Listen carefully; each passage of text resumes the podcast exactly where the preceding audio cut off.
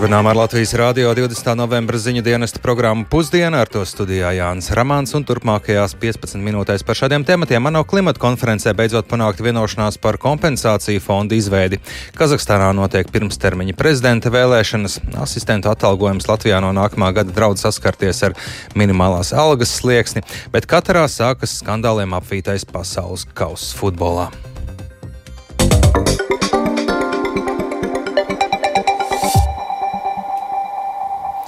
ANO klimata konferencē svētdien panākta vienošanās par kompensāciju fondu izveidi, lai sniegtu atbalstu tām nabadzīgākajām valstīm, kas cietušas no klimata pārmaiņām. Šāda fonda izveide bija viens no smagākajiem jautājumiem, kuru atrisināšanu centās panākt divas nedēļas ilgušās konferences dalībnieki. Nabadzīgākās valstis bieži ir lielākās cietējas no klimata pārmaiņām, lai gan to radītie siltumnīca efektu gāzu izmeši ir vismazākie, un vienošanās tiek uzskatīta par lielu nabadzīgāko valstu uzvaru. Tomēr vispretrunīgākie jautājumi, kas saistīti ar fonda izveidi, tajā skaitā jautājums, kurš veiks iemaksas šajā fondā, atstāti uz nākamā gada konferenci. Kazahstānā šodien notiek pirmstermiņa prezidenta vēlēšanas, un viss liecina, ka pie varas arī turpmāk paliks līdzinājais valsts vadītājs Kasims Žomarts Tokājevs. Viņš sev raksturo kā reformātoru, kas vēlas padarīt Kazahstānu demokrātiskāku, tomēr kritiķi saka, ka vēlēšanās trūkst reāls izvēles iespēja. Stāst mūsu Briseles korespondents Arķems Konohaus. Kazahstānas iedzīvotāji šodien dodas uz vēlēšanu iecirkņiem, lai izvēlētos nākamo valsts vadītāju. Tomēr gandrīz neviens nešaubās, ka arī turpmāk pie varas paliks pašreizējais prezidents Kasims Žomārts Takājevs. Prezidenta vēlēšanām bija jānotiek tikai pēc diviem gadiem, tomēr septembrī Takājevs paziņoja, ka viņam ir nepieciešams jauns iedzīvotāju uzticības mandāts. Kopā ar vēlēšanām viņš izsludināja arī vairākus sociālos pasākumus. Tika palielinātas pensijas un minimālā alga, kā arī sievietēm ir samazināts pensionēšanās vecums no 63 uz 61 gadu. Visticamāk, tas viss ir domāts, lai celtu pašreizējā vadītāja prestižu Kazahu acīs.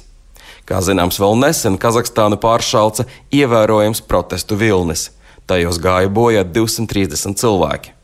Protestu pamatā bija dzīves dārdzība un dziļa ienākuma nevienlīdzība. Starptautiskais valūtas fonds joprojām brīdina, ka tieši plaisa starp bagātiem un nabagiem ir viens no nozīmīgiem nestabilitātes faktoriem Kazahstānas ekonomikā. Tā kā jūs mēģināt sevi pasniegt kā reformātora, kurš ir uzsācis Kazahstānas demokratizācijas kursu. Pēc protestiem tika mazināta bijušā autoritārā līdera Nursultāna Nazarbājeva loma valstī. Viņš tika atstādināts no drošības padomas vadītāja amata, no konstitūcijas tika svītrots īpašais Nazarbājeva nācijas tēva status, kā arī galvaspilsēta zaudēja tikai pirms dažiem gadiem iegūto nosaukumu Nursultāna un atkal kļuva par Astanu. No amatiem dažādos uzņēmumos tika atstādināti arī vairāki Nazarbājeva radinieki un pietuvinātās personas. Jūlijā Takājevs paziņoja, ka valsts esot atguvusi 500 miljonus ASV dolāru, ko esot nozaguši Nazarbājeva ielikteņi. Konstitūcijā tika veikti arī citi grozījumi, mēģinot padarīt Kazahstānu no superprezidentālas republikas par prezidentālu republiku ar spēcīgu parlamentu. Tomēr kritiķi saka, ka visas svarīgākās varas sviras joprojām atrodas prezidenta rokās. Tomēr turpmāk prezidents tiks ievēlēts nevis uz diviem piecu gadu termiņiem, bet gan vienreiz uz septiņiem gadiem. Līdztekus Takājevam par prezidenta krēslu cīnās vairāki mazpazīstami kandidāti. Nevienam spēcīgam opozīcijas politiķim netika atļauts reģistrēt savu kandidatūru vēlēšanās. Par to Kazahstānu kritizē starptautiskie novērotāji, tostarp Eiropas drošības un sadarbības organizācija. Ir apcietināti arī daudzi aktīvisti. Vēl jāpiebilst, ka Kazahstānas ekonomika šobrīd atrodas sarežģītā situācijā, jo tās tradicionālais sadarbības partneris Krievija ir pakļauts sankcijām par uzsākto karu Ukrainā. Tādēļ Kazahstāna mēģina atrast jaunus eksporta tirgus, to starp Eiropā. Līdz ar to tur nesen viesojās vairākas augstas stāvošas Eiropas Savienības amatpersonas. Arčuns Kanahas Latvijas Rādio Briselē.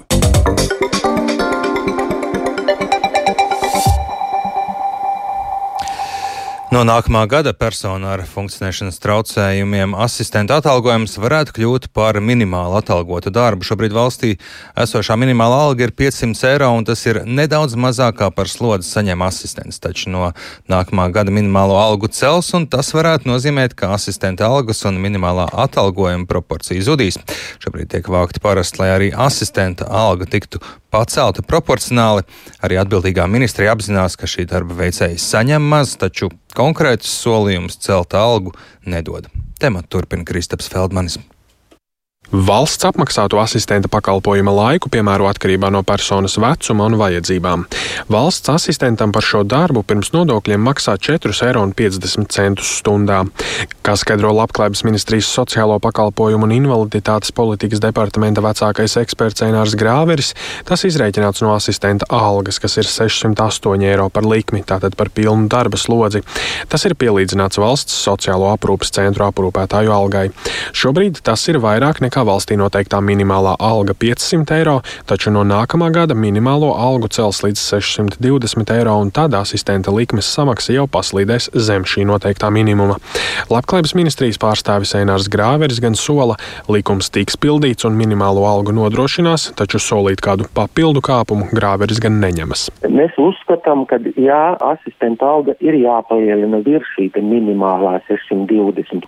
Savulaik vēsturiski jau tā valsts sektorā strādājošo darbinieku atsaistīšana no minimālās algas. Tā jēga jau arī tāda bija. Agrāk arī bija asistentiem minimālās algas likme. Un atgriezties atpakaļ pie minimālās algas mūsu ieskatā nebūtu pareizi, jo tas, nu, protams, nekādā veidā nav motivējoši samaksa asistentiem. Mēs zinām, ka to cilvēkus nevar dabūt arī par šādu samaksu, kāda viņi ir šobrīd. Bet Vai mēs šo naudu dabūsim, tas būs atkarīgs no valdības budžeta sarunām. Taču nepieļaut to, ka asistentu algas saduras ar minimālās algas slieksni gatava ir Latvijas bezdarbnieku un darba meklētāju interešu aizstāvības biedrības pārstāve Vera Semjonova.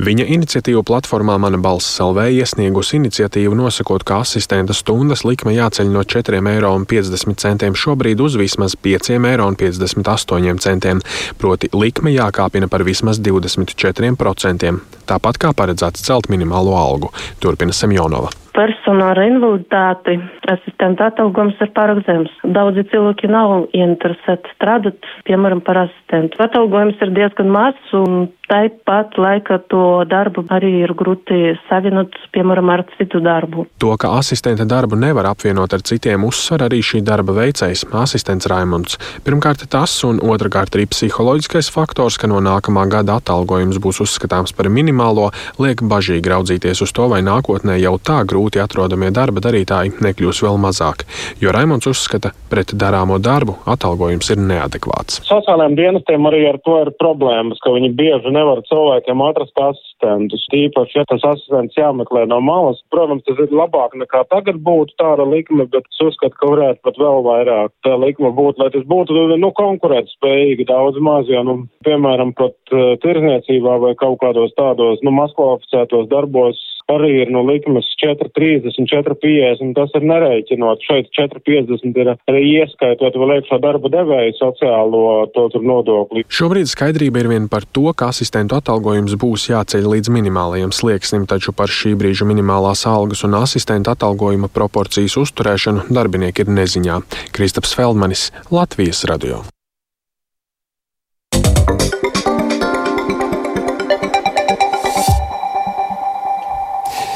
Ir 20. novembris, un tas nozīmē, ka ir šis datums pienācis tik gaidītais šogad nedaudz īpašāks, jo šovakar sākas pasaules kausa futbolā, un tas tiks aizvadīts ar atklāšanas maču. Un šīs sporta notikumi pie TV ekrāna parasti pulsē ne tikai futbola mīļotājs, bet arī citu sporta veidu līdzjutējus un pat cilvēks, kur ir ar sporta ikdienā, ir uz jums. Un, lai plašāk runātu par pasaules kausu un arī par kādiem citiem sporta notikumiem, kas varētu šodien būt saistoši. Esmu šajā brīdī sazinājies ar kolēģi Māru Bergu. Sveicināts, Māri! Sveiks, Jānis, sveicināt klausītāji. Jā, šodien startē lielais futbols, katra Ekvadora atklāšanas spēle. Viss turnīram gatavs? Es tiešām ceru, ka katrā viss ir gatavs, jo katra turnīra rīkošanā ir ieguldījusi vairāk nekā 200 miljardus ASV dolāru. Tie gan nav oficiālie cipari, bet aplēses. Tomēr, zinot arābu valstu vērienīgumu, nebūtu itin nekāds brīnums, ka tur ir ieguldīta tiešām tik milzīga nauda. Pēdējo nedēļu laikā ļoti daudz atkal runāts par korupciju FIFA iekšienē, par apsūdzībām, ka katra šo turnīru nopirkusi. Tāpat ļoti daudz runāts par to, ka katarieši infrastruktūras celtniecībā nodarbinājuši viesstrādājumus strādniekus un no nabadzīgākām Āzijas valstīm, šiem cilvēkiem dzīvojot un strādājot necilvēcīgos apstākļos, kā rezultātā tūkstošiem cilvēku ir gājuši bojā. Tas visu laiku neizbēgami būs šī turnīra fons, un pat par šo pirmo spēli tiek baumots, ka Katara esot piedāvājusi naudu ekvadoriešiem par noteiktu rezultātu. Nevienam nav noslēpums, ka Katara šajā 32 valstu kompānijā ir pārliecinoši vājākā izlase.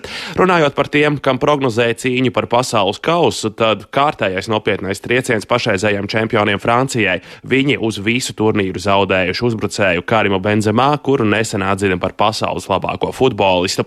Turnīra laiks arī tātad ļoti neierasts pasaules kausa pirmo un ļoti iespējams vienīgo reizi notiek ziemā, sezonas vidū, kas rada ļoti daudz neprognozējumības, un to atzīmē sporta komentētājs Ilvars Kostinkevičs, kuru klausāmies turpinājumā. No vienas puses, mēs varētu teikt, ka tie, kas brauc uz pasaules kausu, pat ir labāk. Viņiem ik pēc trīs, četrām dienām ir spēle, un tur vēl kādā brīdī varbūt kāda lielāka pauzīte. Viņi var turpināt baudīt futbolu, bet tie, kas paliek klubos, un ir klubi, kuros paliek trīs, četri spēlētāji, ko tiem treneriem tagad darīt? Lielākais izaicinājums, es domāju, ne tik daudz varbūt fiziskā lieta, jo fiziski jau viņi šobrīd ir labā formā. Sezonas pirmā puse vēl nav sezona pusē, bet jautājums būs, kas notiks pēc tam. Arī Latvijas radio sporta raidījums piespēle šonadēļ, protams, runā par pasaules kausu, tāpēc jau pēc ziņām vienos pieslēdzieties. Tur mums šodien apaļā galda diskusija ar četriem futbola ekspertiem par pasaules kausu. Nu, turklāt piespēle pirmoreiz skanēs no Latvijas radio pirmās studijas, kur parasti uzstājas un savus skaņdarbus ieraksta slaveni mūziķi. Tāpat blakus mūsu galdam ir arī maestro Raimonda Paula klavieres.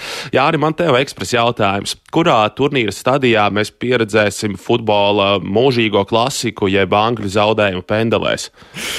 Es šoreiz domāju ātrāk par finālu kaut kad. Pusfināls, ja vispār līdz, tur, līdz tam tiks angļi, tad jau redzēsim. redzēsim.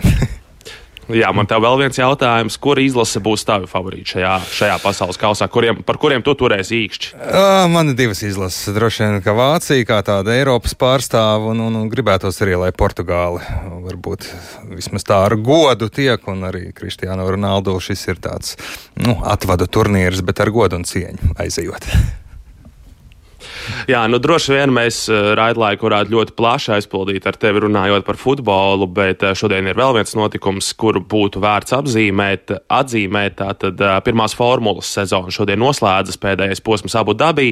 Lai arī kāds varētu teikt, ka pirmajā, pirmajā formulā šo sezonu visa intriga jau ir zudusi, jo Maks Verstapens ir čempions pilotu vērtējumā, bet Red Bull tituls konstruktoru vērtējumā. Tomēr pirmajā formulā joprojām ir dažas intrigas. Turpinās cīņa par otro vietu pilotu vērtējumā. Tāpat um, arī konstruktoru kausā vēl jānoskaidro, kurš būs otrais. F1 gadījumā īpaši konstruktoru kausam ir būtiska nozīme, jo katra vieta uz augšu nozīmē arī um, lielākas naudas balvas, un tas komandām, protams, ir ļoti svarīgi. Tāpat um, arī visu šo svētku nedēļas nogalē esmu runājis par Sebastiana Fetela pēdējo sacīksti karjerā. Tātad četrkārtējais F1 čempions šodien aizvadīs karjeras pēdējās F1 sacīkstes, bet viņa konkurente Luis Hamiltons, Fernando Alonso, tātad divi ļoti pieredzējuši braucēji jau ir jokojušies, ka Fetels būs atpakaļ pirmās formulas mašīnā un kādā brīdī viņš atgriezīsies. Tas man pusdienā šobrīd arī ir viss. Paldies! Dzirdējāt Mārbergu stāstam par uh, sporta aktualitātēm, un līdz ar to arī programma pusdiena ir izskanējusi. Līdz atgādināšu svarīgāko ANO klimata konferencē beidzot panākt vienošanās par kompensāciju fonda izveidi. Kazahstānā notiek pirmstermiņa prezidenta vēlēšanas. Asistenta atalgojums Latvijā no nākamā gada draudz saskarties ar minimālās algas slieksni, un katrā sākas skandāliem apvītais pasaules kauss futbolā. Programmas producents Viktors Pupiks, ieraksts Montēra Renāša Steimans, piesudījis pults Kristaps Eide, bet eh, studijā Jānis Ramāns un mūsu ziņām varat sekot līdzi arī Latvijas Rādio 1 Facebook lapā vai arī sabiedriskā mēdīju ziņu portālā LSMLV, bet šīs pārraides atkārtojumu varat noklausīties un atrast arī raidierakstu platformās kā dienas ziņas un arī, protams, Latvijas Rādio mobilajā lietotnē. Yeah.